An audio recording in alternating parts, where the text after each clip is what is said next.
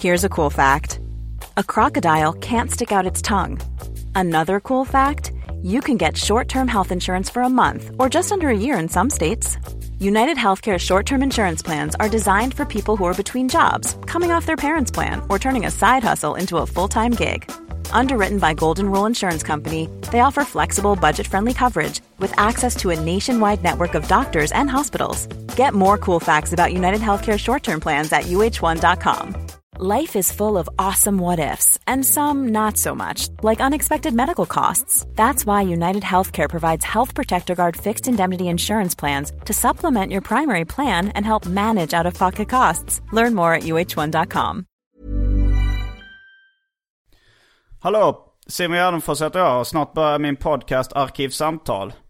Podden ges ut i samarbete med Acast och med Mafia Comedy Club som ger er stand-up fem dagar i veckan i Stockholm. Mer info om det här hittar ni på maffiacomedy.se och på Ticknet.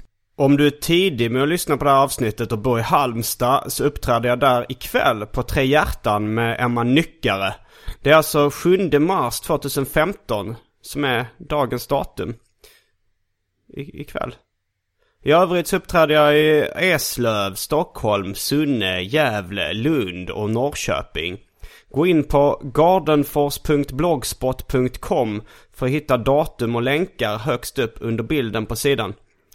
Nu kommer Arkivsamtal, som klipptes av Dea Brunner och som vi tackar för den här tiden som klippare. Är du intresserad av att klippa Arkivsamtal utan att få betalt? För att du tycker det verkar kul? Kontakta mig på Facebook. Jag heter Simon Gärdenfors. Mycket nöje!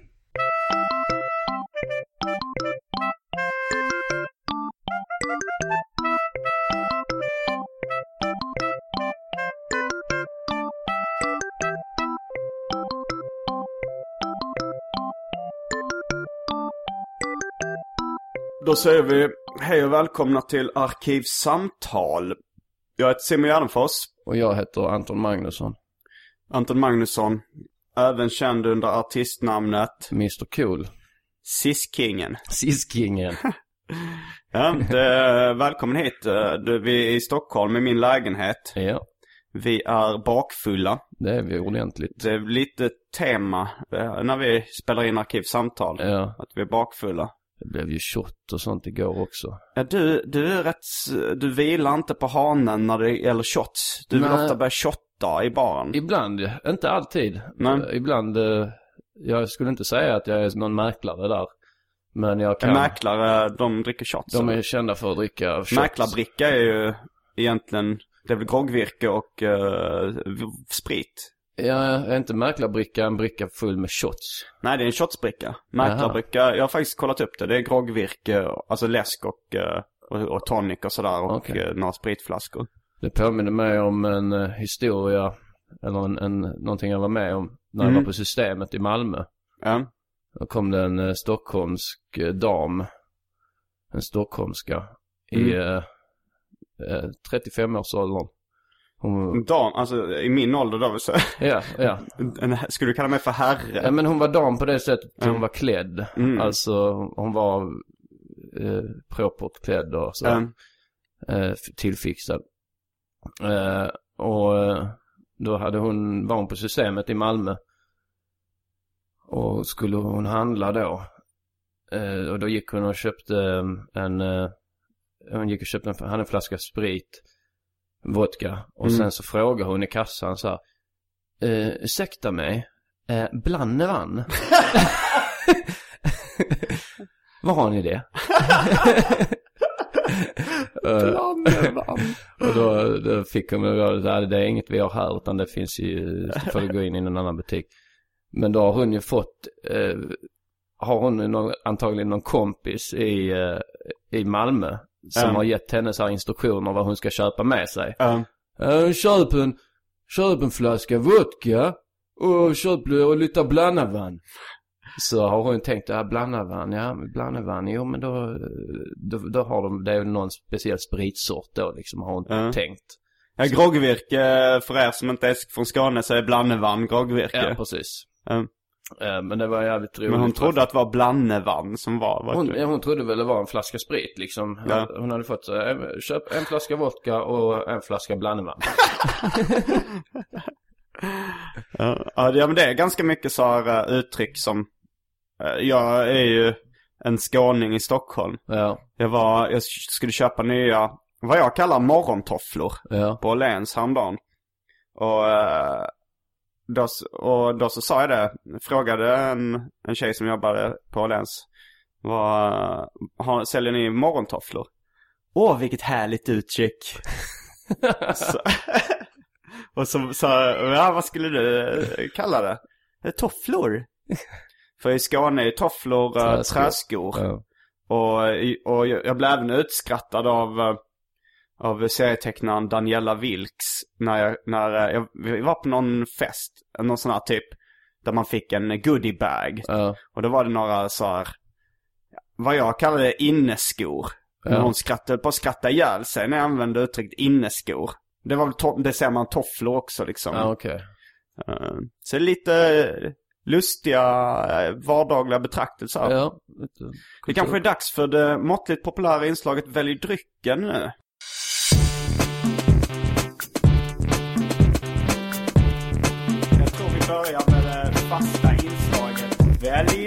Drycken! Ja, då är vi tillbaks med alternativen till eh, Välj drycken. Ja. Eh, Då har vi eh, Pepsi Max, Hawaii Gay Club, Passoir, Malibu och citronjuice kan man få separat också. Skinny Bitch, det vill säga vodka och mineralvatten av märket Loka. Går också dela upp i sina två delar. Sen har vi Baileys. Och för tråkmånsar och nejsägare, vatten. Jag är intresserad av att testa den Skinny Bitch. Mm. Men är det gott?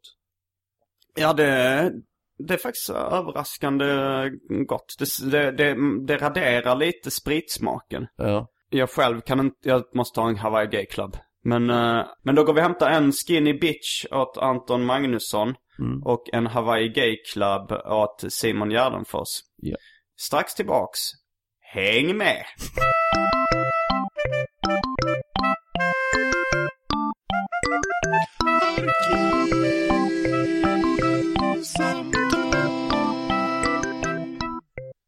Då är vi tillbaks med väl tilltagna groggar. Ja, och vi har skrattat gott under pausen kan vi meddela lyssnarna också. Om Ja. ni, ni anar inte så kul vi har haft det. Vi pratade om, eh, Våldtäkt. ja det gjorde vi. Det var att det är ingen som riktigt har ett avslappnat förhållande till det. Nej. Man tänkte att någon kille då skulle ha smeknamnet Volle. Ja.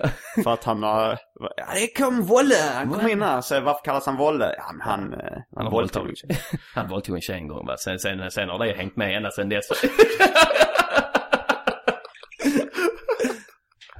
är det inte Volle? Är det inte Volle? Jag tyckte det var Volle. Åh, oh, Mallorca du. Vad du våldtog. Du. Tjejerna fick passa sig där. va? Det, det De var, de var livrädda för det, var de ju. Alltså Volle han... eh, Våldtar du fortfarande eller? det var en kille på min skola faktiskt som kallades för Volle. Men det var vad han hette.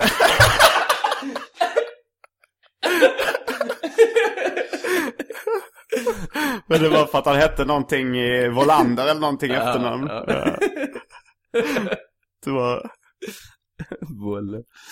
Ja, vi, vi körde stand-up i, igår Mm. med specialisterna i Stockholm. Och Petrina Karlsson, hon, hon öppnade med ett våldtäktsskämt. Ja. Och hon får ju det funka bra för att uh, det tjejer eh, kan ju inte... s- ja, men det blir inte så obehagligt då. Det är inte lika obehagligt nu. Och då skämtade hon ändå att hon skulle våldta andra kvinnor. För att hon, hon har bytt namn till Petrina Solen, Solange. Solange. Solange. Solange. Nej. Något sånt där. Petrinas nej. Men Nej. för att hon, Nej.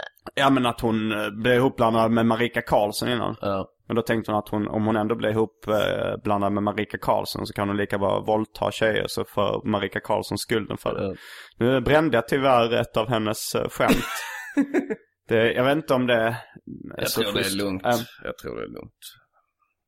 mm. Det, det, det, hon levererade ju bättre än vad du gjorde just nu också. Ja, det var Så- inte jättebra leverans. Så det, Så även om man, man har hört din version Mm. nu i podcasten så, så kommer det vara en helt annan sak eh, live. Och se Petrina köra det. Vilken leverans. Ja, det var bra. Mm. Du har börjat fundera på att flytta till Stockholm. Ja. För att satsa på stand-up och humor. Ja, det har gjort. Så om någon av lyssnarna har någonstans att bo eh, till Anton, Ja, det hade varit jättebra. vad har du för krav? Eh, jag har inte speciellt höga krav rent uh, logistikmässigt där va. Med eh, kvadratmeter hit och balkonger dit. Det spelar inte så stor roll. Men jag vill ha hyfsat nära till... till Nära till allt. Hyfsat nära till allt. Ja, nej men alltså jag vill inte åka med tåg så jävla långt. Alltså för att det, jag kan åka tåg från Malmö. Det tar fyra Ja. timmar. Om jag då ska bo här och åka tåg en timme för att komma in till Nej. någon klubb på Söder så känns det så, känns det lite skitsamma nästan. Men så det ska vara innanför tullarna eller närförort. Ja, precis. Och eh, kan du tänka dig vara inneboende? Ja, det kan jag tänka mig. Skulle du så här, våga vara inneboende hos vem som helst? Nej, inte vem som helst. Var drar du din gräns? Uh, Volle? Väl, det är som uh, porr. Mm. Att man, man, det är svårt att beskriva exakt vad som är porr och vad som är erotik. Men man vet det när man ser det. Okej. Eh, och det är ungefär så jag kommer, där jag drar min gräns. Det är från fall till fall. Att eh, Mm. det kan ju vara små saker ibland som bara gör, ger en en olustig känsla. En person har ett konstigt sätt eller blinkar för mycket och så här. såna. Har du bott tillsammans med någon eh, någon gång? Jag bodde med min, eh, min bästa polare. Eller då en av mina allra bästa polare, Snygge George. Ja, ja. Eh, Dennis Woodepia. Han är för övrigt han som gör omslaget till min nya platta också. Mm. Han är konstnär också. Jag träffade honom för första gången i Malmö. Han var, han var ro, sp- naturligt rolig. Jag Ja. tror inte han försökte vara rolig, men man skrattade åt bara hans sätt att prata Ja, på. ja. han, har ju, han är ju jugoslav då, kroat. Så han har ju lite det berättarsättet. eh, Det här med väldigt stort självförtroende. Nu kommer Och- fördomarna Och fram. en överlägsenhet. jo men det är väl, det tror jag är, rätt så talande kulturellt för jugoslaver. Att väldigt stor självsäkerhet och lite överlägsenhet eh, när de På berättar. vilket sätt tycker du han är lik George Costanza? Han hamnar i konstiga situationer som man aldrig själv hade kunnat hamna i och sen, och sen får han utbrott i de här situationerna. och, och så ska han hela tiden i sina berättelser så, man följ, han, han agerar helt fel. Mm. Men man följer med och förstår honom hela vägen. Mm. Har du något exempel? Jag kan hitta på ett exempel. Ja, gör det. Eh, då är det så, mm, vi sitter där, vi äter, det är trevligt, mm, mm, ja, bla bla bla. Kommer hon fram, tjockkärring! Hon frågar, var det gott? Tror fan det var gott! Sitter kvar, jag har ätit upp, vad tror du stör mig här mitt i maten? Så jag ger henne, ger henne en blick typ så, är du dum i huvudet, stick. Och hon går iväg, jag sitter och jag börjar reta mig på henne. Sen när vi ska gå, mm, samma sak igen, var det gott? Då får jag, jag kokar nu. Jag, jag säger till henne, det här är andra gången du frågar mig om det var gott. Du har en restaurang. Om det inte var gott, skulle det här sitta folk? Jag blev fly förbannad så jag betalar inte ett öre för detta. Och då kan hon kalla på chefen och chefen kommer jag... Ja, jag kan vara på hur länge som helst men... Men eh, det är... Någonstans där ligger, eh, ligger hans... eh, Ja, jo, nu förstår jag precis faktiskt. Det... Han blir arg. Ja, men okej för George, men ta inte illa upp nu Dennis Vodopia. Mm. Men så jättesnygg var han inte. Ja, det, han är snygg är han. Men, Tycker du? Ja, Alltså. det, det, vissa tycker han är väldigt snygg. Andra Mm. tycker att han är... Lite grann så en alldaglig ut skulle jag säga. Ja, ja. Eller Han kommer så, bli jättearg om han har det. tror du det? nej, men, eh, nej. Men han, eh, men, och framförallt under uppväxten då. Jag är Mm. uppvuxen med honom. För i Trelleborg. I Trelleborg, ja. Mm. Riktig brudmagnet liksom. Mm. Eh, han var verkligen snygge killen. Och han, han är ju sig lik. Han var, var han lika lång som George Costanza ungefär? Nej, Är han lång? han Jag är, upptäckte dem som ganska kort. nej, han är längre än mig. Är Han han är 1,80, 1,83, 1,84. Ja, det var nog det att han satt ner när jag pratade. ja men det var nog det. Och sen så tänkte jag eftersom han var snygg George så tänkte jag att han var lika lång Ja, som ja, George Costanza. ja. Att jag bara fick upp den bilden. Jag har bott med honom. Det var där vi skulle hamna, landa någonstans. Ja, hur Jag länge bodde ni ihop? I eh, ett halvår. Mm. Så blev vi, blev vi ovänner sen efter det. Ja, det har hänt mig de gånger, eller de flesta gånger jag har bott med någon också. Ja, vi blev ovänner. Jag flyttade ut och vi pratade inte med varandra sen på två år. Vad handlade uh, ovänskapen om? Ja, det var bara, alltså saken var att han och hans flickvän, de bodde ihop i en stor lägenhet. Och jag behövde boende och de behövde pengar för båda de hade Mm. börjat plugga. Eh, Så då flyttade jag in. Och Mm. det hjälpte dem väldigt mycket för, med, för att båda de skulle plugga då. Och, och då behövde de ju hy, hyra där, hyran. Då var ju mina tusenlappar där varje månad. My, Mm. Mycket värt liksom. Och det gick jättebra. Men sen, sen tröttnade, jag tror Dennis tröttnade på att plugga så han började jobba igen. Mm. Och då helt plötsligt så blir det ju också en liten attitydförändring i att han behöver inte de här tusenlapparna. Och då blir ju allt jag gör där är ju att vara i vägen, Ja. mer eller mindre. Och han är ju, han är ju jävligt snäll och han sa ju aldrig någonting om det. Men det blev liksom som någonting som kokade under. mm. Eh, så det blev bara dålig stämning. Och sen hade jag någon fest där när han, han var, han var iväg på jobb och så, så kom han hem tidigt så jag hade inte hunnit städa undan efter festen och jag hade druckit en av hans spritflaskor. Eh, Som jag hade tänkt att gå ner och köpa en ny för han skulle egentligen inte komma tillbaka för några dagar senare. Men då hade han fejkat någon, eller inte fejkat, jag vet inte men han hade fått ont i foten. Nej men så, ehm, så kom han hem där och, och då var det redan rätt tryckt stämning och det blev lite en utlösare. Sen någon gång, det var ett konstigt, en gång kom han hem och bara och måla på köksväggen så målade han djävulen. Han målade fan på väggen. Ja, bokstavligt ja, ja. det var. Mm, att eh, han kom hem berusad och Mm. började måla djävulen på väggen. Och ehm, ja, och sen var det typ jag, min, då, min dåvarande flickvän hade typ inte fått tag på mig någon gång. Eh, så då hade hon ringt till Dennis. Mm. Och då kommer ju liksom det här som är då typiskt uh, snygge George Mm. in liksom att eh, jag är inte din sekreterare. och, mm, Va? Ja. Bara för att hon hade ringt? ja, ja, jo precis så. Men det var ju dålig stämning och så. Ja, så på den vägen. Och sen flyttade jag, sen fick jag en lägenhet i samma, i samma eh, komplex.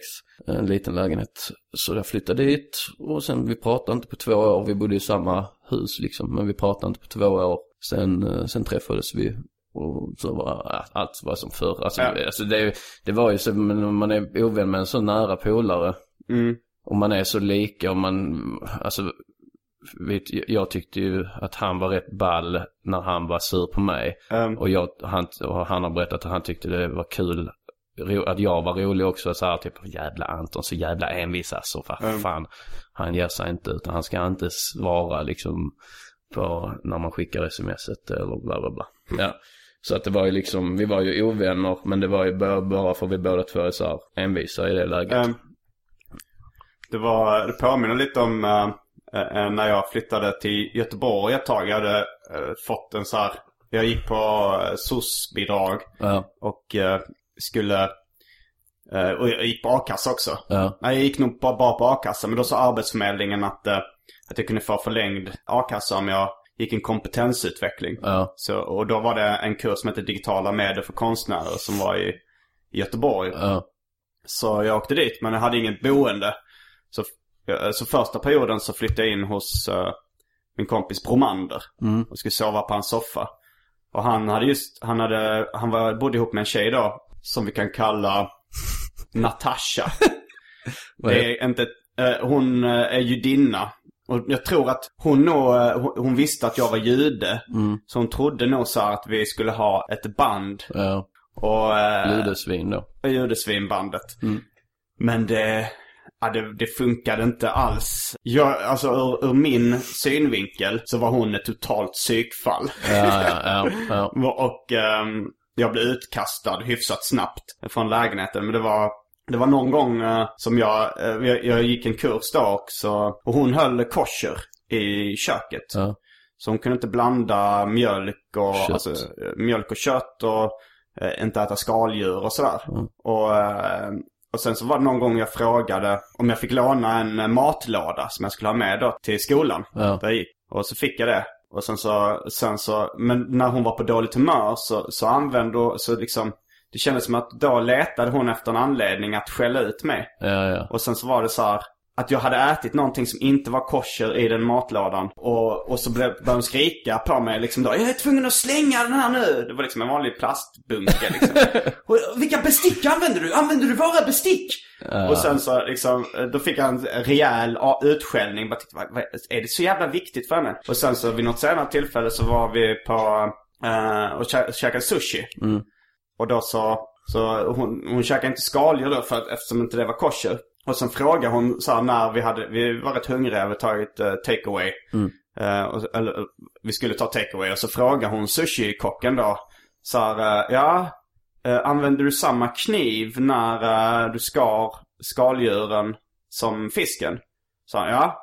Så tänkte hon efter lite, ja skitsamma. Så då brydde hon sig inte.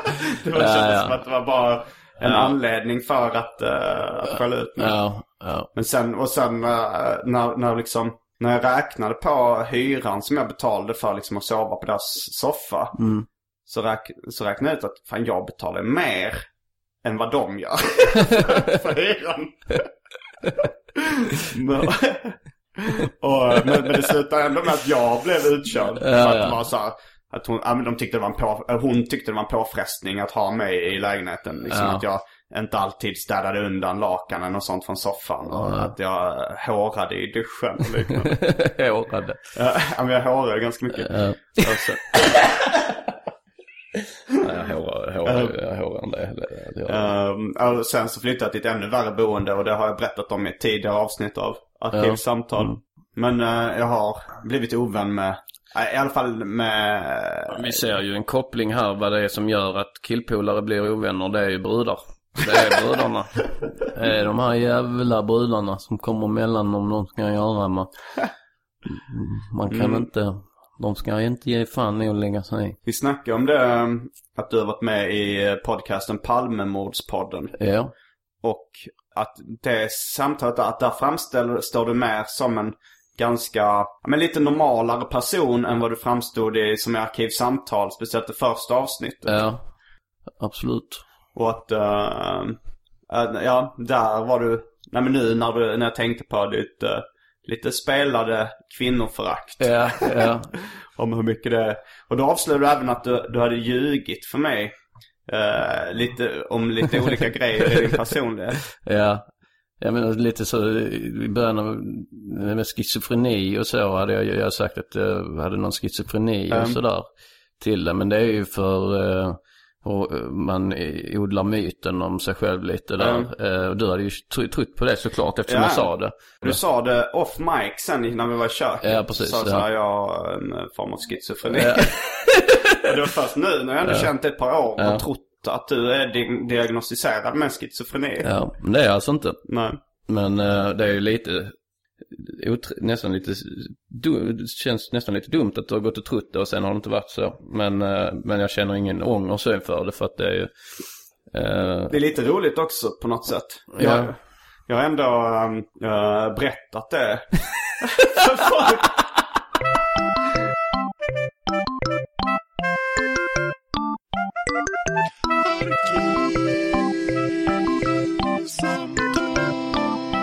Jag tänkte på det apropå uh, mitt drag att vara besserwisser och märka ord. Ehm, att det var en, en tjej som jag träffade på, på efter, för, för länge sedan, efter Mafia Comedy, så var det någon som kom fram och snackade. Och vi inledde en kort romans.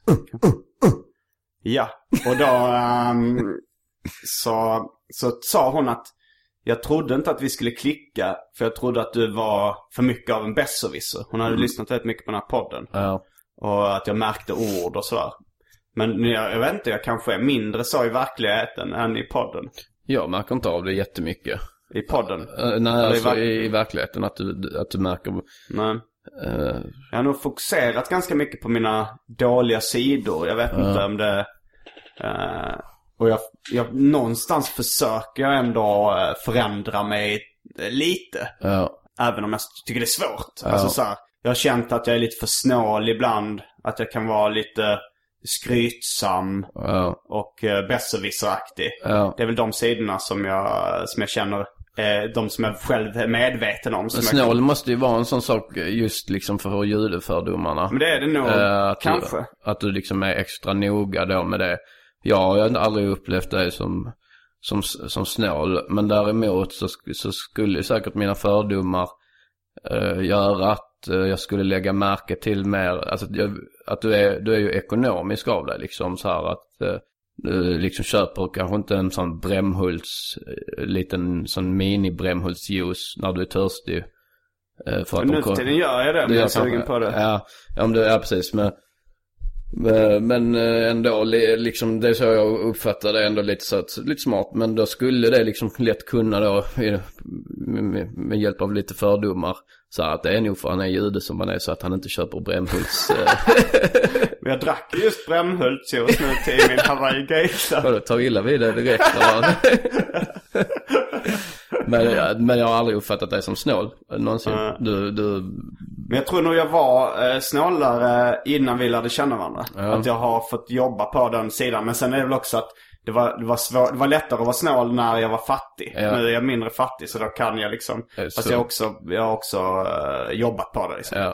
Den snålaste personen jag känner är Bög-Jimmy, min kompis. Och då är det inte ens en fördom att bögar skulle vara snåla. Nej, men det är snarare är- tvärtom. Att de är slösaktiga. Flamboyanta. Ja, han är jättesnål. Eh, men han sa en rätt intressant sak. Jag var ju på semester med honom en vecka på Teneriffa. Eh, och då var han så jävla snål. Vi, vi hade ju, vi hade, vi hade, han blev bjuden på resan ju. Med hotell och allting liksom. Men ändå gick han och höll hårt i sina euro. Eh, och han kunde liksom inte, det var all inclusive på hotellet mm. Men, men sen om han, han kunde inte tänka sig att bjuda på en öl när vi var någon annanstans. Då skulle han sitta och räkna, det här är dyrt det här är... Eh, alltså, väldigt snål. Men han sa en intressant sak för han sa så här, men eh, det är roligt hur, hur liksom, hur, hur det hur, hur man ser på folk som är snåla eller ekonomiska. För att, ja, sitter man inte och, och bjuder på saker, då är man snål. Och då skrattar folk åt en för det. Men sen om jag skulle, om jag skulle göra det så, så skulle jag förstöra min ekonomi och hamna i Lyxfällan. Och då sitter folk och skrattar åt folk som lever över sina tillgångar. Så att han sa det finns inget rätt för någon med lite pengar att göra. Han sa jag har lite pengar, jag har inte råd att bjuda. Nej. Och, och, och om jag skulle göra det så skulle ja, folk skratta åt mig ändå. För att då skulle jag leva över mina tillgångar. Eh, ligger någonting i det. Sen, jo, det gör det. Sen kan man ju sen det- balansera det. ja. De flesta kan ju Man göra kan ju det. balansera det bättre Men jag tänkte på för när vi, eh, när vi, vi skrev specialisterna sitcom till radio och vi, vi har ju lagt upp lite på YouTube också. Så vid något tillfälle så skulle vi gå igenom, för vi byggde ju karaktärerna på våra egna person, personer. Men vi gjorde ändå någon gång en sån här uh, character list eller vad det kallas. Ja. När vi liksom skulle skriva några ord om eh, personerna. ja. Och då så, och då så sa, skulle jag då skriva in min karaktär så tänkte jag så här. Ja, snål kanske kan vara ett karaktärsdrag som jag ska. Så tyckte du att nej, dels så tyckte jag att Ove i Solsidan, att det var en av hans starka karaktärsdrag, att han var snål, att det inte var roligt att ha samma där. Och sen så sa du också så här, och sen dessutom så tycker jag att snålhet är en av de vidrigaste egenskaperna som finns. Att du, att du tyckte det var så jobbigt att du inte ens ville Ja. att vi skulle ha en karaktär i sitcomen. Ja, ja det är verkligen vidrigt. Men då är det ju rätt intressant att en av dina bästa vänner är väldigt snål. Ja, men jag har ju ett speciellt förhållande till honom också. Att Mm. eh, jag kan ju, jag kan ju tvinga honom att göra saker. Eh, så, så jag kan ju tvinga honom att, att köpa en öl till mig. Eh, Men du skulle inte känna dig bekväm och, och, och, och liksom säga till Jimmy på skarpen. nu köper du en öl för jag köpte förra gången. Nej. Utan du hade ju bara sagt, jaha, ja då får jag väl köpa min egen öl. Mer med ett syskon. Ja, relation så att, ja precis. Så det blir ju inget problem i och med att jag i och med att jag kan bara gå över huvudet på honom liksom och tvinga honom att köpa och säga till honom på skarpen. Och då gör han det till slut. Uh, Here's a cool fact a crocodile can't stick out its tongue. Another cool fact you can get short term health insurance for a month or just under a year in some states. United Healthcare short term insurance plans are designed for people who are between jobs, coming off their parents' plan, or turning a side hustle into a full time gig. Underwritten by Golden Rule Insurance Company, they offer flexible, budget friendly coverage with access to a nationwide network of doctors and hospitals. Get more cool facts about United Healthcare short term plans at uh1.com. One size fits all seemed like a good idea for clothes Nice dress. Uh, it's a it's a t-shirt. until you tried it on. Same goes for your healthcare. That's why United Healthcare offers a variety of flexible, budget friendly coverage for medical, vision, dental, and more. So, whether you're between jobs, coming off a parent's plan, or even missed open enrollment, you can find the plan that fits you best. Find out more about United Healthcare coverage at uh1.com. That's uh1.com.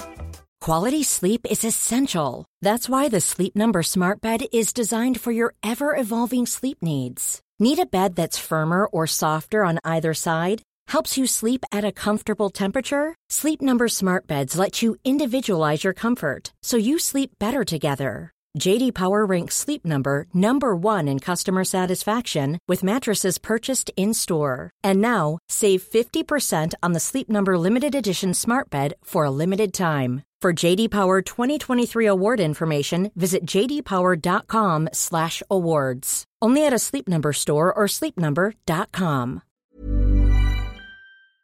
men vad, har du några, själv några så här dåliga sidor som du känner att du skulle vilja förändra? Ja. Ett väldigt uh, självrannsakande ja. Ja, jo det har jag ju. Är det för känsligt att prata om? Nej, eller? nej, det är det ju inte. Alltså, jag kan bli jävla trött på sig själv alltså. Vilka, vad är den främsta sidan du skulle vilja förändra? Alltså i, ibland är det just det här att jag tycker så mycket om mig själv liksom. I, I vissa lägen. Alltså, jag pendlar ju väldigt mycket av självförakt och sen av storhetsvansinne och så här. Så många kreativa människor gör. ja, precis. Det är väl Eller vanligt. kanske var människor i allmänhet. Jag umgås Ja. mest med kreativa människor. Ja. För Ja, man hör det ju väldigt ofta. Ja. Eh, Men, eh, men det kan jag bli så äcklad av. Jag kan bli så imponerad av folk som bara så här, kan trivas med att sitta lugnt och tyst och inte säga någonting förrän de har något intressant att säga och sådär. Mm. Kan att du tar för mycket plats. Ibland ja. Jag, jag, jag har jobbat på det bättre. Du kanske inte upplever det så jättemycket. Jag har inte tänkt så mycket på det. Eller Ja. någon gång kanske jag... Alltså jag, jag tycker inte det är jobbigt för jag tar själv ganska mycket plats. Så jag Ja. känner ju aldrig att, att eh, jag själv inte får något utrymme på Ja. grund av det. Men jag tänkte på det någon gång när vi var i Malmö och vi var på eh, någon bar vid Möllevångstorget. Mm. Kanske Maskot eller Nyhamn. Ja, Och då så var det, då var det några i sällskap som inte kände oss. ja, Och sen så var det någon, du satt och, och höll låda. ja. Och sen så var det någon, någon som, som viskade och sa så här, Varför sitter alla och lyssnar när han pratar? och så var det någon som sa, han är kändis. Ja men det är verkligen äckligt alltså. Eh, men, uh, nej men jag kan bli trött på det. Att jag, Mm. Eh, det är ju en sån sak. Men jag tycker jag jobbar hyfsat bra på det. Men det är ju någonting jag skulle gärna vilja ändra, ändra på. Rätt mycket. Men jag märker att det, det sitter rätt djupt nu. Häromdagen i förrgår var jag ju och körde stand-up i Malmö. Mm. Så du mötte upp jag och Johannes Finnlaugsson som också har varit med i din podcast innan och Mm. som har den här Palmemordspodden som ni kan kolla upp också. Eh, vi, eh, vi gick och tog några öl efter och mötte upp några andra komiker. Och då i rangordningen är det ju, eh, jag är ju i något, kanske något mittskikt nu där i, i Malmös komikerkretsar. Mm. Hyfsat ny men ändå tagit mig upp en bit liksom. Men sen har du liksom lite toppen där också med Johannes och Kringlan och Petrina och sådär. Och det, då satt vi, vi runt ett bord efter på, på Nya Tröls i Malmö, en pub. Men då märkte jag ju direkt liksom att så här att Att det liksom, jag, jag kan inte ta någon plats här. Eh, det, det är fult att sitta där och, och ta plats. Utan då var det ju deras show liksom Mm. runt bordet och jag fick mer inflika saker. Men då märkte jag att det kliade i kroppen liksom. Att, eh, att jag nästan var sugen. Jag gick och satte mig vid ett annat bord med bland annat Ludde? Ludde Samuelsson va? Mm. Och några andra som är liksom kanske mer i nivå med mig då liksom. eh, status. I status där i humorvärlden. Eh, jag- har inte jättebra koll på Ludde just det. Jag vill inte, han kanske är över, över mig också så. Men, men eh, i varje fall det kändes mer som här kan, här kan jag ta lite mer plats. här kan jag, ja, här, kan, här sitter folk och lyssnar. Jag var, man, man har vant sig vid att folk sitter och lyssnar så här storögda och spetsar öronen så fort man öppnar munnen.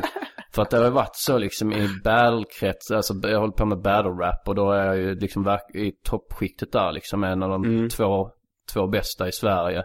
Jag skulle jag säga ranka mig själv. Och liksom alla där är ju bara är jätteintresserade av att höra vad, oh, vad har han att säga? För ju där är man någon jävla Jan Guillou liksom.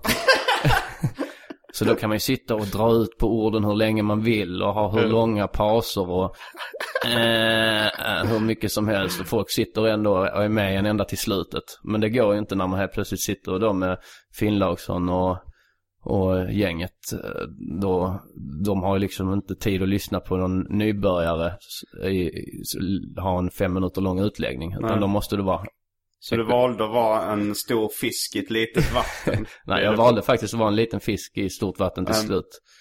Eh, jag gick in dit till slut. Men jag, jag hade, jag bör, inledde kvällen där Mm. först vid, vid, vid bordet där jag kunde sitta. Och ta lite plats och folk lyssnade. Jag, jag hade någon utläggning om Bosse Ahl, en gammal hockeymålvakt i HV71. Fan, vad tråkigt. Och jag kunde sitta här i tio minuter och folk satt och lyssnade på Bosse Ahl. Så här, Bosse Ahl var han var duktig, han hade svarta benskydd också minns jag. Nej, Ofta har ju hockeymålvakter eh, har ju ofta benskydd som matchar eh, eh, dräkten, alltså lagets dräkt. Men Bosse Ahl han hade svarta och han spelar i HV71 och de har ju blå och gul dress. Så det matchar inte riktigt. Lite fräckt sådär och folk satt och lyssnade. Oh, vad intressant. Bosse Ahl. De är kanske artiga också. Så att. Ja, det var det var lite artighet men det är också liksom bara att, eh, att, att det, ja. De gav dig den platsen. Ja, de gav mig den platsen. Men det, ja. Det, det Ja, nej, men det, det, jag tycker det, det känns lite deppigt på ett sätt när det är så tydligt med hier- hierarkier och en hackordning. Ja. Att jag, jag har, man har ändå uppfostrats eh, i skolan och sådär att, att människor ska ha lika värde.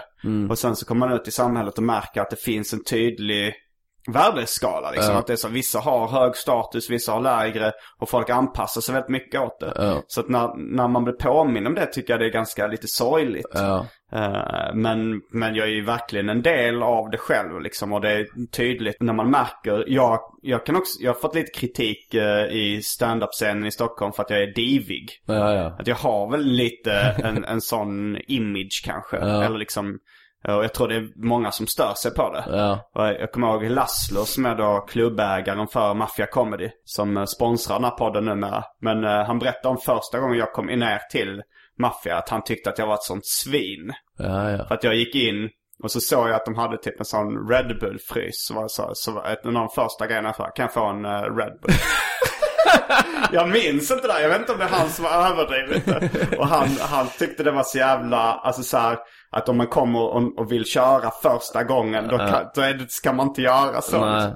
Men det kan ju vara också att du hade ju, mm, har ju fått din bild av att göra en show vi- genom musiken. Jo, och det där var- är det ju lite mer, där ska man ju vara lite divig. Man, eh, man ska ställa lite krav. Um, Eh, Men för man tänkte om man inte får något betalt kan man väl få en läsk eller Ja, någonting i alla fall. ja, liksom. Men, Men, eh, Men jag sa till honom så här, eller skämtsamt att det, ja men jag var tvungen att eh, sätta mig i respekt direkt. Det är som i fängelset, att man måste nita någon första dagen eller så blir man någons hora. Och, Men jag har ju tänkt mycket på det här med människors lika värde och sådär. Föds med lika värde. Jag vet jag pratade lite med dig om det. Men det är en tanke som... du sa att det hade ockuperat ditt tankebanor väldigt mycket senaste halvåret. Ja, senaste halvåret har det gått och tänkt jättemycket på det. För jag tänkte, För det är en sån självklar självklarhet man fick eh, mata till sig liksom som, som barn och i skolan och även fortfarande nu. Liksom att alla säger alla människor är lika mycket värda. Men det finns ju ingen uträkning på det. Det finns ingen vetenskaplig studie som stödjer det påståendet. Nej. Eh, och, och jag vill väl se mig själv som en, en eh, vetenskapstroende så att säga. Att jag vill gärna ha då belägg för det. Och annars inte ta det som en sanning liksom. Jag är ingen- för att det är så abs- värde är så abstrakt begrepp så man Ja. kan nog aldrig bevisa det eller liksom det finns, kan väl inte finnas någon forskning på det. det Ja, det, man kan ju, man kan ju, först bestämmer man då vad är värde, vilka komponenter är värde och sen så gör du uträkningen. Men om det för om det inte går, om Mm. det är så abstrakt, så ska man inte heller säga det som en sanning. Nej. Utan då får man säga, lägga fram det som en teori, som att man tror på samma sätt som att man kan tro på Gud och, och man tror på de tio budorden så kan man också tro på den här, på, som några gubbar och någon tant har hittat på i, F, i FN liksom att eh, alla människor föds med samma värde. Det är ju någon som har hittat på det. Ja. Det, det är inte, det är, ing, det liksom, det är inte någonting som är sant. Det är inte, Det på, jag skulle nog säga att det är sant eftersom jag har en ganska värdenihilistisk grund. Att jag tycker att värde finns inte riktigt. ja, Så därför är ju alla lika mycket värde om, om det vill säga ingenting eller ja. så här. Och då kan det ju vara för dig. Eh, då kan det ju vara så för dig. Men sen finns det ju såklart situationer. Eh, men man kan ju inte heller vetenskapligt bevisa att det finns objektiva värden. Nej, det, om det inte går att bevisa så, ska, så kan man inte, ska man inte heller säga det som en sanning. Det finns jättemånga saker som inte går att bevisa. Men då, då, då man inte säger det att, eh, då, då matar man inte in det i folks huvud som att det var sant. Nej, förutom religion. Det är ju, det, jag tycker det är, Ja. en, det är en intressant jämförelse att Ja. jämför det med religion. För det är Ja. ungefär samma sak. Det Precis. finns inga vetenskapliga bevis. Men jag- folk Jag säger utgår inte att det är ohälsosamt. Jag tror att det kan vara liksom det absolut bästa sättet att liksom uppfostra eh, en befolkning. från- Eh, att, att mata in det i folks huvud att alla är lika mycket värda. Att det kan säkert funka och det är säkert, säkert en bra idé. Men jag stör mig så fruktansvärt mycket på att, det, att, all, att, det, att folk tror det är sant. Mm, Och tar det som en sanning. Och att folk som inte håller med om det men, anses dumma huvudet. För jag är inte riktigt villig för att hålla med om det. nej, men Jag- jag tror både du och jag har, kan haka upp oss på alltså, så ord Ja, eh, och uttryck på det sättet. För jag, jag har ju samma irritation fast över eh, yttrandefrihet. ja, Det har varit mycket snack om yttrandefriheten. Att så här, det här efter eh, attentaten som har varit. Att vi måste värna om yttrandefriheten. Sen finns det ingen yttrandefrihet. Det finns ett yttranderegelverk. Man får inte hota folk. Man får inte hetsa mot folkgrupp. Ja. Man får inte säga ja, men, ja, men, kränkande saker. Ja. Förolämpningar till och med. Någonting man, det, det finns en lag. Tidningen Hustler blev dömd för förolämpning. Då har vi ju inte yttrandefrihet. nej, Och det är så när hela den här min käpphäst, eller som jag ofta tar upp med att Sverige spärrar in Dan Park i fängelse. Och Ja. sen så har man en manifestation för Ja. Charlie Hebdo som gör Ja. ungefär samma teckningar. Ja, det är fruktansvärt. Det är Ja. enda gången det riktigt så brinner till. Jag bryr mig väldigt lite om saker egentligen. Mm. Då, eh, eh, men just yttrandefriheten och när det liksom, ja då blir jag så jävla arg. Och det, det så, enda gången nu på Twitter jag kan sitta och så twittra om det. Ofta så twittrar jag ju bara trams liksom. Ja, det, var nå- det var någonting du twittrade om nyligen. Vad, vad var det för någonting om? Ja men det var när Lars Vilks eh, fick skit i Expressen och Aftonbladet. Det var någon jävla jo, eh, som skrev som skrev eh, att nu så här många liv har Lars Vilks rondellhund kostat i Danmark nu. Nu har Lars Vilks teckningar kostat två danskar livet eller vad det nu Mm. och det är så fult formulerat och det är så äckligt och, man, och jag blir så lack och jag blir lack och jag tycker fan vad synd om Lars Vilks. Jag, som jag sa till dig innan också, att jag, jag har ingen aning om han är rasist. Jag, har ingen, jag kanske skulle ogilla honom jävligt mycket. Men han är ju ball. Alltså, han gör, han, han gör, gör ju någonting eh, som absolut ska vara tillåtet att göra. För alltså allvarligt talat. Vi snackar om att rita någon. Mm. Vi snackar om att rita någonting.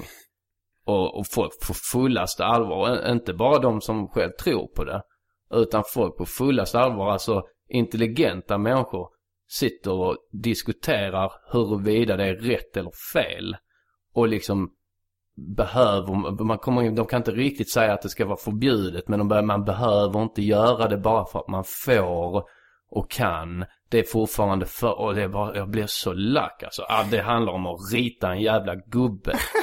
Då får man ju ge sig och då måste man ju fan säga till att det, där, där, så kan vi inte hålla på alltså. Ja men det är ju att eh, på något sätt att skuldbelägga offret som inte egentligen har gjort något fel. Ja, precis. Jag jämförde igår med, nej men i P1, stu, eller i Studio 1 i P1 när de, när de frågar, ja men attentaten mot judarna, så vad har judarna själv för skuld i det här? Ja, ja. Att då ska man liksom stå för hela sin ras. Ja. Om någon har gjort något fel där så. Men det, det tog de tillbaka sen. De gjorde det, ja. Ja, var ju tur. Vilken tur. Men det var ändå ganska konstigt uh, uttalande. Ja. Sen ska ju judarna ha det visserligen. Det... Jobbigt tyst. Nej, men det, nej, men det, det kan jag tänka mig retar, retar, retar säkert dig lite extra som jude då också. När du hör, hör det eller känner du liksom att du skulle reta dig lika. Är du mer jag skulle- uppmärksam? Jag tr- alltså grejen är, jag är nog jag, så, jag eh, skulle nog retat mig lika mycket ifall det hade varit någon annan folkgrupp. Ja. Men jag tror inte att någon annan folkgrupp skulle få den skuldbeläggningen. Att judarna har en särställning i Sverige. Det skulle aldrig vara så om homosexuella, Ja. eh, ifall det hade varit ett attentat. Vad har bögarna för egen skuld Ja, i det här? nej, det, skulle, det skulle aldrig hända. Det finns ändå någon form av eh, särställning som judar har. Ja. Så det är så jävla konstigt egentligen. Alltså jag tänkte på det, vi tror på tågresan upp nu till Stockholm, tänkte på det här.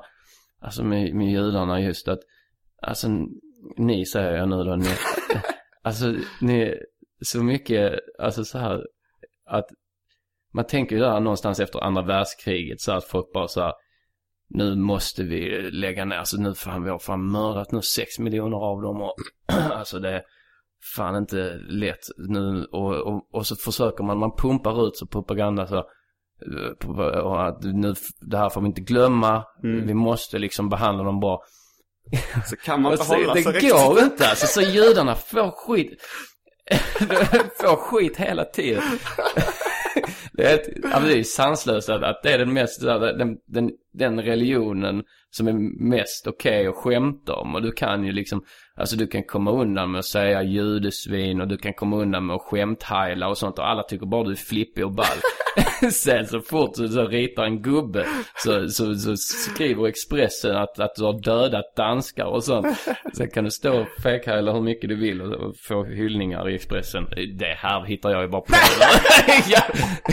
Nej men det fanns ju ett, eh, ett eh, Lilla Drevet, eh, det är en annan podcast som är lite mer politiskt inriktad. Ja. Då hade de ett avsnitt som handlade om medias bevakning av eh, när, det, när det var då i Frankrike när eh, muslimer eh, hade dödat judar i någon kosherdeli. Och så var vinkeln i typ massa tidningar så här. Kan det här eh, leda till ök- alltså så här, nu blir det problem för muslimer, att det blir islamofobi. Ja, ja. Och att det var, det var liksom, han, eh, det var Ola Söderholm som räknade antalet uttalanden om när de hade tagit upp den vinkeln. Ja. De intervjuade någon representant för uh, moskén och så här, och kom det här Och de, det var ingen som tänkte, som var så här, Ja, det problemet är kanske att det är antisemitism och Ja. judehat. Det är en massa judar som har dött nu. Ja. Men folk oroar sig för att nu kommer det bli svårare för muslimer. Ja. Inte för att det är svårt för judar. Det var, för jag eh, sa det precis när det hände. Mm. Alltså precis samma dag det hände. Så snackade jag med Arman, min kompis, och sa så här. Nu, det ska bli väldigt intressant att se hur lång tid det tar innan den första artikeln som handlar om, eh, om hur, hur, det, liksom, hur detta kan påverka och bli, bli islamofobi. Att få den vinkeln på det. Det kom efter en dag. Direkt då liksom efter Mm. en dag kom första långa artikeln om det. Jag, jag tycker absolut det är någonting man ska ta upp. Mm. Eh, men jag tycker att det är lite osmakligt att göra det så direkt dagen efter. Alltså vi har, fokuserar först på offret, eh, liksom de, de som var, har blivit dödade och eh, först på dem och sen kanske en vecka senare i, i, liksom, i kölvattnet när man har liksom rapporterat om liksom allt vad som har hänt och skjutningarna Mm. där och det börjar bli lite torka. Vi har inte jättemycket mer information. Där kan man, kan man komma också med de här artiklarna om att eh, det här kommer, har också lett till liksom ökad islamofobi och bla bla. För det är ju såklart viktigt att man tar upp det. Men alltså så direkt dagen efter. Det hade var varit ju roligt efter, dagen efter änglamordet så här. Kommer nu folk eh, feta gubbar? Det kommer bli jobbigt med feta gubbar. Ja, jag hade liknelsen med, äh, vet han, eh, Gunvald Larsson. Vad heter han, eh, norrmannen? Micke Persbrandt. Vad- Gundvald Larsson är Nej ju. men han eh, norrmannen som sköt folk på Utöja. Eh, Ja, ja. Vad heter han? Uh, Breivik. Breivik ja. Det är roligt att hans namn rimmar på fredspris.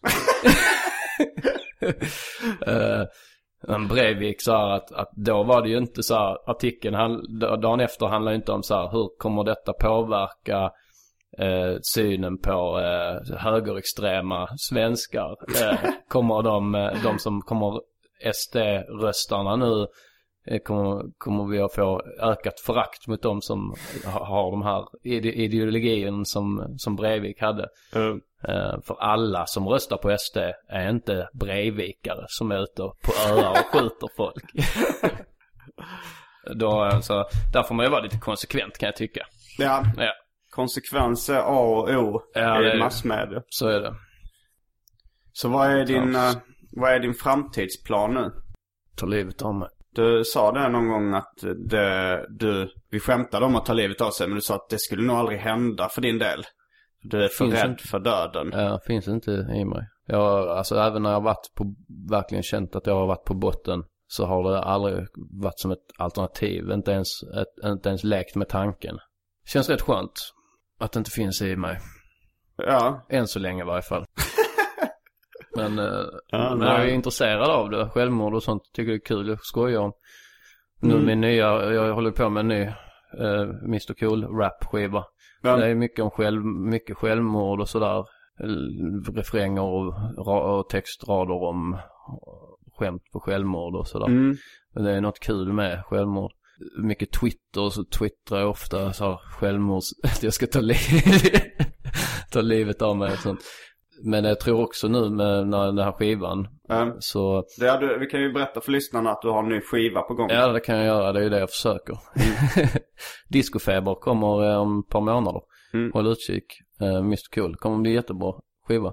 Jag medverkar på ett spår. Ja, Eh, knulla barn kommer den låten heta. det heter Knulla barn. det handlar om att knulla barn. Ja, det är en riktigt bra Mm. låt. Ja, den kommer bli grym. Nej men sen har Arman har jag mått eh, dåligt också. Eh, han har ju varit riktigt deppig, Arman. Med, som, som är min producent. Eh, han är också med på den här Knulla barnlåten. Mm. Men han har ju varit liksom riktigt så här deppig och utbrändhet nästan liksom. Jag tror han har lekt liksom rätt mycket med självmordstankar och han liksom, det är han mycket som hela tiden säger att han ska ta livet av sig liksom lite skämtsamt till mig. Du har också lagt märke till det någon gång liksom att, att men han säger, båda ni skämtar ju Ja. hela tiden om... men det blir lite olustigt när man vet att han har varit på botten liksom och, och går runt så och skämtar Ja. om det. Så att nu senast refrängen var ju, var ju han som kom på det. Refrängen går, den går så här typ. Jag ska ta mitt liv på klubben ikväll. Jag ska ta mitt liv på klubben ikväll. Så går refrängen. Det var ju bara han som sa freestyla fram den på fylla. När han, han satte igång ett beat. Det var bara någon låt som spelades på Spotify. Så började han sjunga den. så, och, och det jag tror det liksom är att rätt mycket att han mår och har mått dåligt liksom. Och att han, så att han har liksom, självmord ligger nära hela tiden i hans... Eh, Ja, det är frågan. Alltså det är många som, som eh, tror att så här, att när man skämtar väldigt mycket om eh, barn, sex och sexuella övergrepp, att man själv har blivit utsatt för sexuella övergrepp som barn och att det är därför jag skämtar om det liksom, man måste bearbeta det. Men så är det inte i mitt fall i alla fall. Utan jag tänker mer att det är ett av de största tabuna som finns och därför så laddas den komiska effekten till max när man lägger in det. Och lite samma sak kan det vara med självmord, att det är också ett, ett, ett, liksom ett extremt tabuämne. Eller samma sak med förintelsen och judar, det är väl därför jag tycker det är så kul att skämta om det också. Liksom. Jo men det här med uh, Ta mitt liv på klubben. Ja. Att det är roligt att det blir en sån partylåt bara om man lägger till på dansgolvet eller på klubben. Det finns så många liksom så här, ja men det finns ju Murder on the Dance Floor och, Ja. och liknande. Men också eh, Adam Svanell som har varit gäst här. Han gjorde en låt som heter Bajs on the Dance Floor. Med gruppen Pruttsnops som han var med i. Det Otroligt tramsigt. Det måste jag lyssna på. Jag älskar ju sådana såna band. South, Ja, South City Bice Boys är också en personlig favorit. Finns på Spotify. Vad har de för, nämn några låtexempel. Pappa Bajs. Ja, den kommer jag ihåg att jag tyckte var väldigt rolig när jag Ja. gick eh, i högstadiet. Att det är Daddy Cool fast de bytte ut det Ja, Pappa precis. Bajs.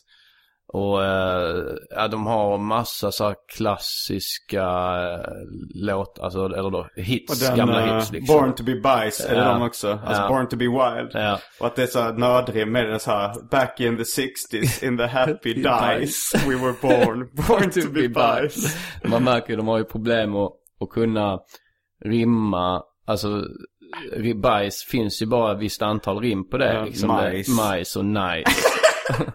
och de, men så här, typ, de har ju också så här, typ på att på, runt korna flyger flies. What about pappa bajs?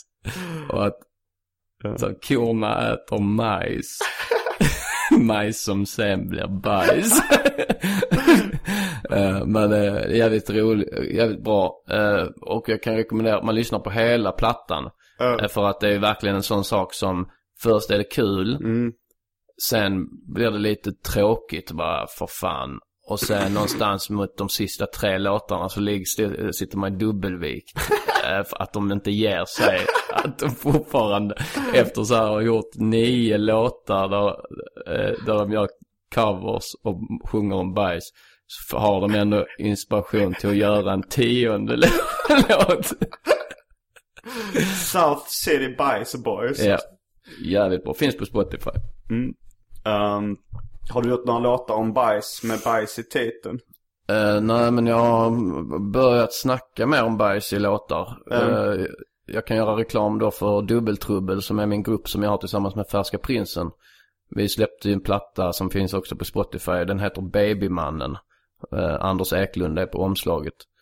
Eh, där är det ju några rader om bajs. Vi, både jag och Martin börjar rappa mer om bajs.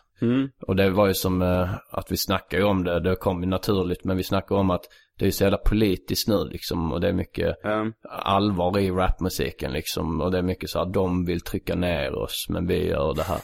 Eh, och då känns det helt rätt att göra låtar om bajs. mm. Jag gör inte så jättemycket låtar om bajs men mer eh, stand-up om bajs. Ja, jag det har gör du skrivit mycket. Ja. eh, extremt många skämt om bajs. Ja. Jag var på um, Oslipat för länge sedan. Nej, Mm. det var inte specialisten utan någon annan kväll. Ja, Då körde jag väldigt mycket bajsskämt. Jag har kört en bajsspecial också där jag bara skämtar om bajs. Som jag kört på Big Ben och Mafia. Ehm, och då så... eh, en gång så var Morten Andersson på, på den Oslipat-klubben och så, så pratade han om det. Så att, för jag, men då, då var det också Petrina skämtade med rätt mycket om bajs. Det var rätt många som, Ja. det var lite en trend. Och då sa han att men det kanske är en eh, motreaktion mot, för hans generation eller vad man ska säga. ja, Eh, de har gjort väldigt allvarlig stand-up Ja. där man ska, så det kanske är liksom pendeln har svängt så att säga. Nu Ja. skämtar folk väldigt mycket om bajs ja istället. precis. Ja men jag tror det ligger mycket i det. Jag är lite Mm. avundsjuk på dina bajsskämt. Att, alltså, jag har ett. Toaborstskämtet Ja, är ju det- lite något av ett bajsskämt. Uh, funkar ju visserligen helt bra också. Mm. Men, eh, men du har ju fem, sex stycken alltså, som alltså riktigt bra bajsskämt. Mm. Eh, och det, ja, Men det känns ju rebelliskt på något sätt att inte vara politiskt idag. Ja. Att inte vara politisk, att inte vara allvarlig, inte Ja. vara djup utan att skämta om bajs. Ja. Det är nästan, det är det mest, det punkigaste man kan göra. ja, liksom. det känns verkligen så.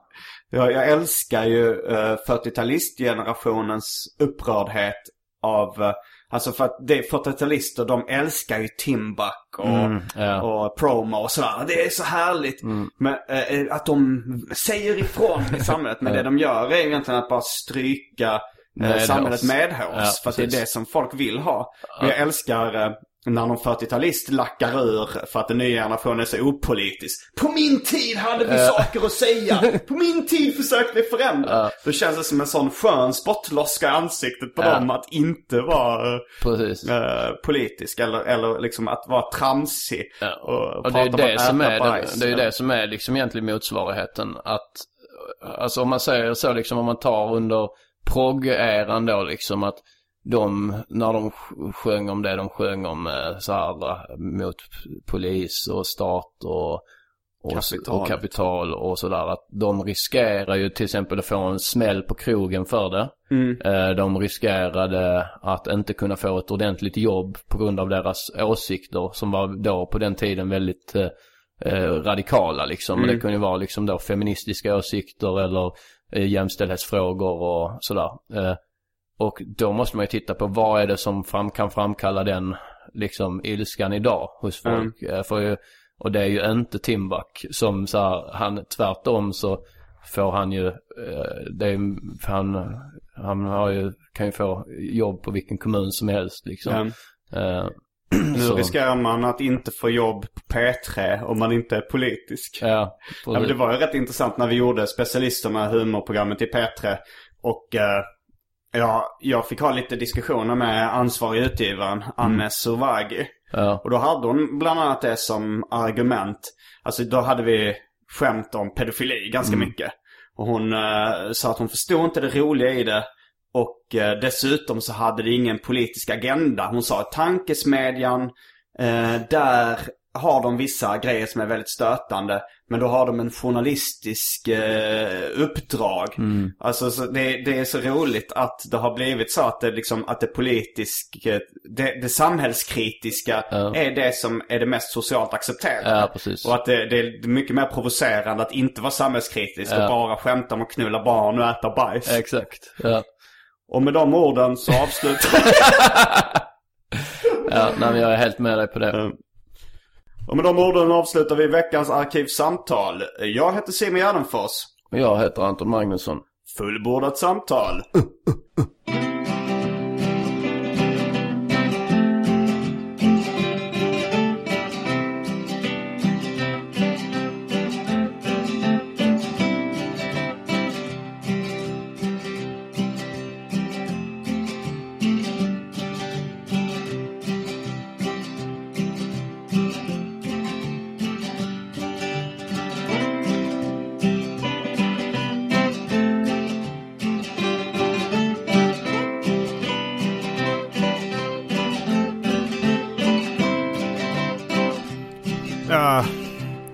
måste ju sitta och snacka lite nu efter avsnittet har tonat ut också bara för att... Ja, avsnittet ska bli över en timme. Det är en fix idé jag har fått.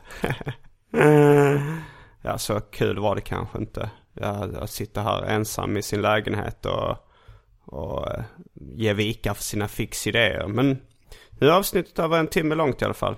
Nästa avsnitt så kommer Josefin Ginder på besök. Hon har ju varit här redan, vi har ju redan spelat in det. Vem försöker jag lura egentligen? Men hon är roligare än någonsin och det är ett riktigt toppenavsnitt så missa inte det. Och glöm inte heller att Simon Gärdenfors och Arkivsamtal älskar dig. Ses nästa vecka. Hörs nästa vecka.